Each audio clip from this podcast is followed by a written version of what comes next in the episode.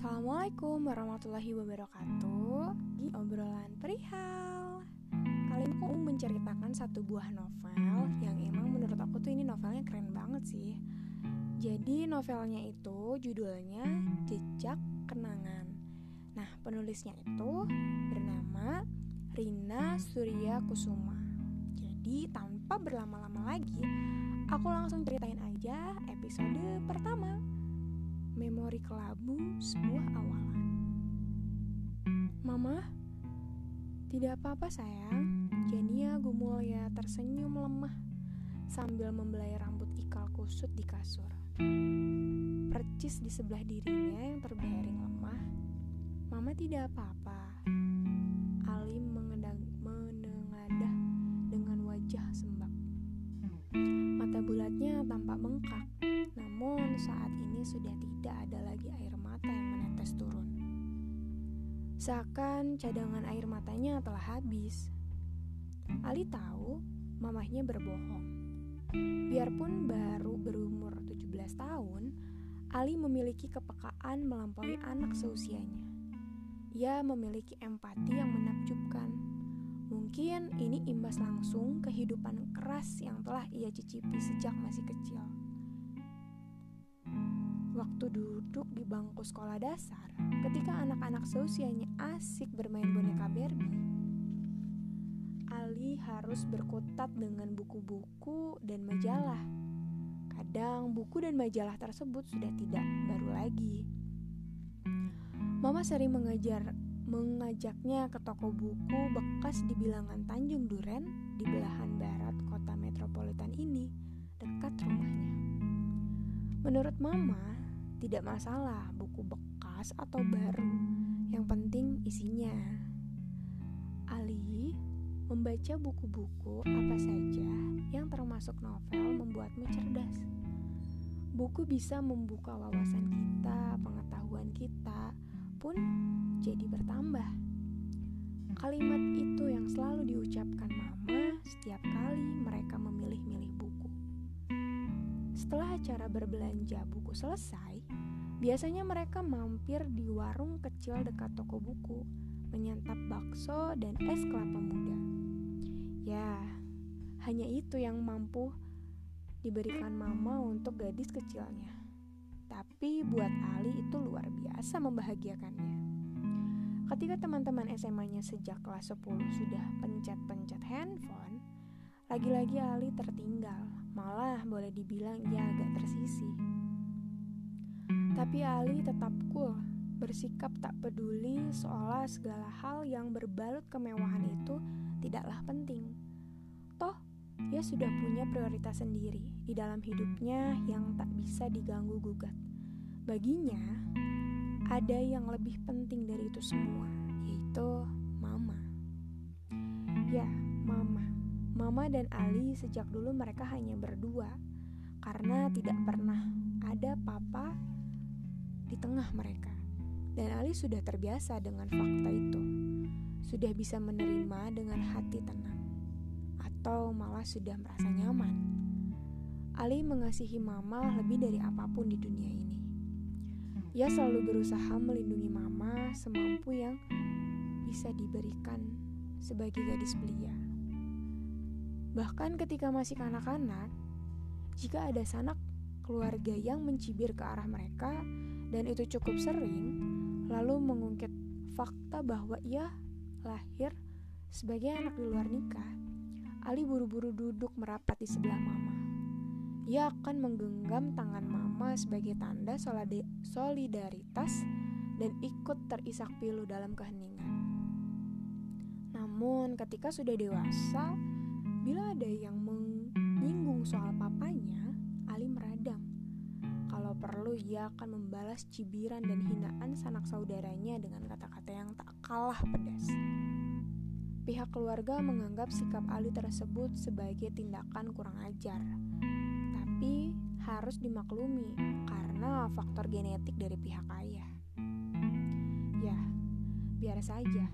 Ali tidak peduli ia menganggap tindakannya itu murni sebagai pembelaan diri. Kan iya, memang harus membela mamanya. Karena itu, sejak dulu sampai sekarang, Ali tidak pernah menyukai keluarga mama. Jangan ditanya hubungannya dengan keluarga papa. Ali sungguh-sungguh tidak tahu, lebih tepatnya tidak mau tahu siapa pria yang bertanggung jawab atas kelahiran dirinya. Ali hanya peduli pada mamanya, apalagi kini wanita tegar itu sedang bersakit. Ma, mama harus ke dokter. Tidak sayang, geleng mama lemah. Kamu tahu? Itu tidak perlu, kanker ini sudah stadium 4. Ali terisak lagi. Ia memang tahu percis penyakit mamahnya sudah sampai pada tahap yang mematikan dan menyakitkan. Tapi mama terlalu tabah untuk mengeluh. Kalaupun mama sampai mengerang karena sanggup menahan sakit, itu selalu dilakukannya di dalam kamar. Mama tak ingin penderitaannya dilihat orang lain. Memang tidak ada yang pernah tahu betapa hebat derita yang mama tanggung. Tidak juga Ali. Selama ini Ali mengira mamanya baik-baik saja. Sampai suatu malam, ketika sedang menonton TV di ruang duduk yang nyaman, mama batuk keras.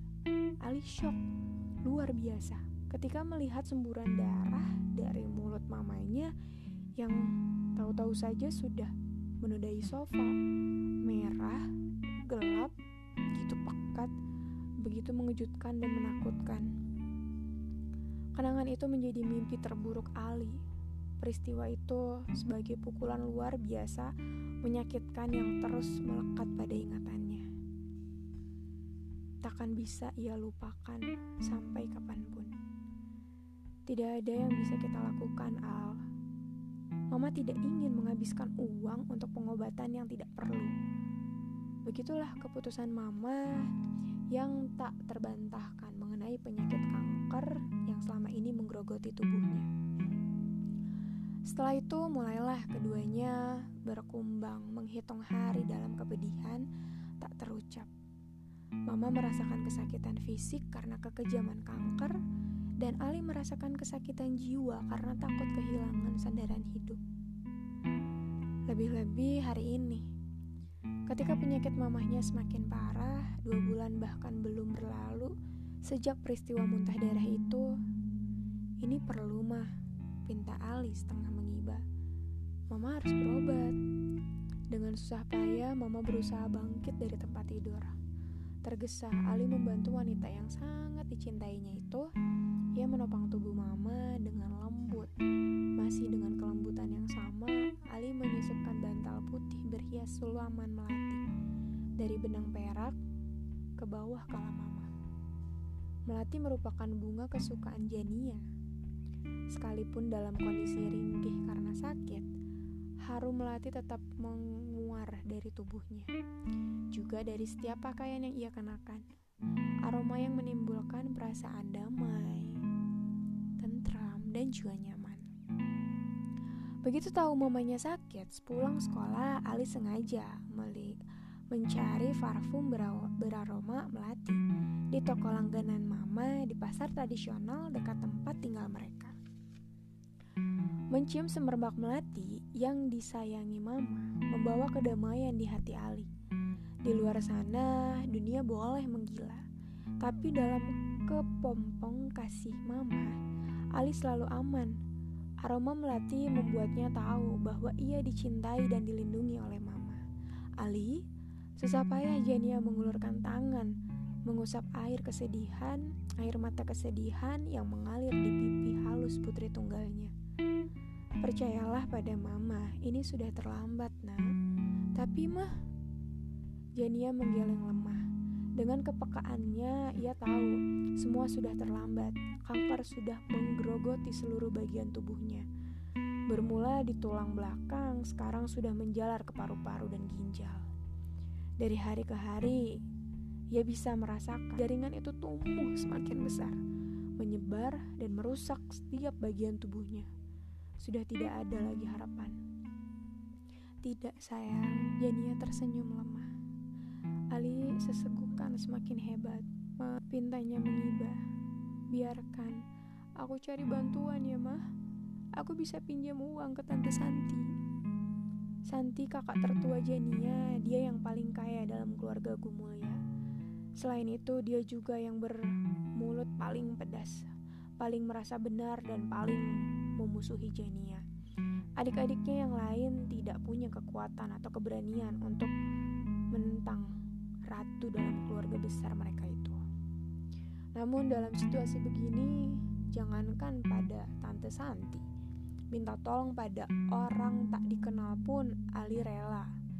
Ia siap membayar hutang itu sesegera mungkin setelah bisa bekerja. Yang ada dalam pikiran Ali cuma satu, Mama harus sembuh yang lain bisa dipikirkan belakangan. Tidak. Jania menggeleng keras. Dalam kelemahan, ia tetap bisa keras menolak usul putrinya. Jangan lakukan itu. Tapi mah, Ali. Jania menatap putrinya lurus-lurus. Berjanjilah pada mama, kamu tidak akan menghubungi atau meminta bantuan pada tante Santi. Ma, ini permintaan mama, desak Jania sambil menyengir kesakitan. Al. Oke, mah, kata Ali. Mengangguk cepat, ia tidak tega melihat ekspresi mamanya yang tampak sangat kesakitan. Aku janji. Sungguh? Ya, mah. Ali mengangguk pelan, air matanya menetes lagi. Jania menggeleng dengan mata basah. Ia tahu waktunya sudah dekat. Tindakan apa pun tak akan bisa menyembuhkannya.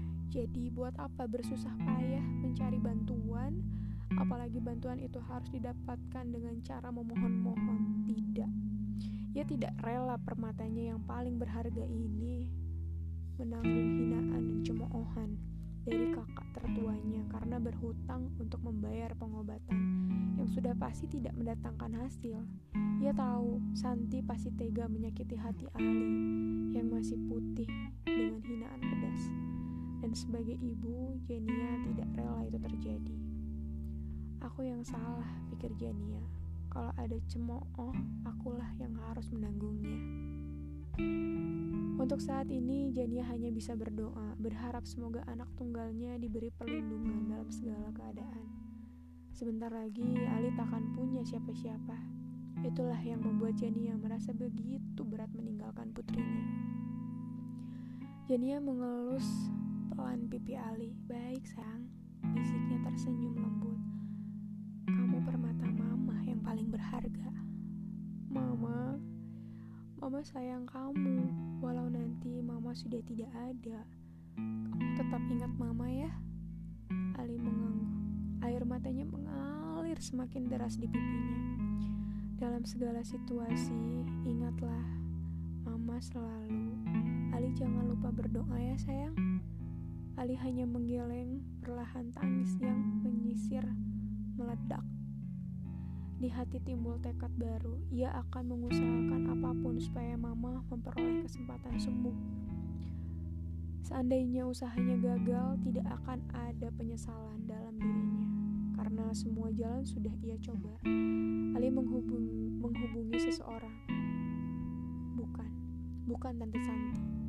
Karena Ali sudah berjanji pada Mama tidak akan menghubunginya.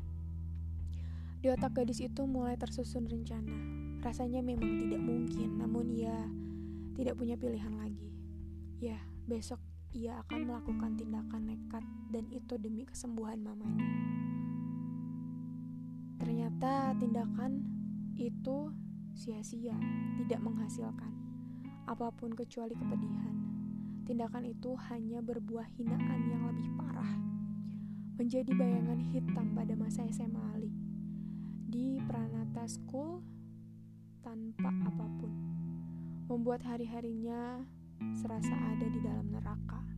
Semua hinaan itu dimotori gadis paling cantik di sekolahnya namun punya hati paling kejam. Hinaan itu datang dari seorang yang takkan pernah Ali lupakan. Dan dengan segenap hati Ali bersumpah akan membalas perbuatan orang itu. Ali pantas menyimpan dendam dan amarah sebesar itu karena akhirnya mama meninggal. tanpa mendapatkan perawatan yang layak. Ketika berlutut di makam mama yang tanahnya masih basah, Ali mengetupkan jemari erat-erat, memejamkan mata, dan sekali lagi meneguh sumpah dalam hati. Suatu saat nanti, gadis brengsek itu akan menangis setiap malam persis seperti apa yang Ali lakukan dalam kehampaan kamarnya. Ali pernah membungkuk dan memohon padanya agar memberikan bantuan, dan kelak gadis itu pun akan melakukan hal yang sama, membungkuk dan memohon pada dirinya pada Ali Sagu Mulia. Dan Ali sudah tahu jawabannya akan diberikan pada gadis itu. Jawabannya tidak. Ali percaya dunia terus berputar. Suatu satu hal yang ia yakini hari itu hari baru akan datang dan matahari akan bersinar kembali. Ia akan mendapatkan kebahagiaan dalam cinta yang tak pernah dirasakannya. Cinta yang akan membuat hari-harinya kembali semerbak, penuh wangi bunga, termasuk kesempatannya untuk membalas semua luka masa lalunya. Ya, bersama perjalanan waktu, Ali akan memastikan gadis kejam itu menuai perbuatan yang ditaburnya. Ya, Ali bersumpah. Oke, kita lanjutin episode berikutnya ya. Jadi, terus pantengin podcastnya aku. Sampai jumpa di episode 2. Oke. Wassalamualaikum warahmatullahi wabarakatuh.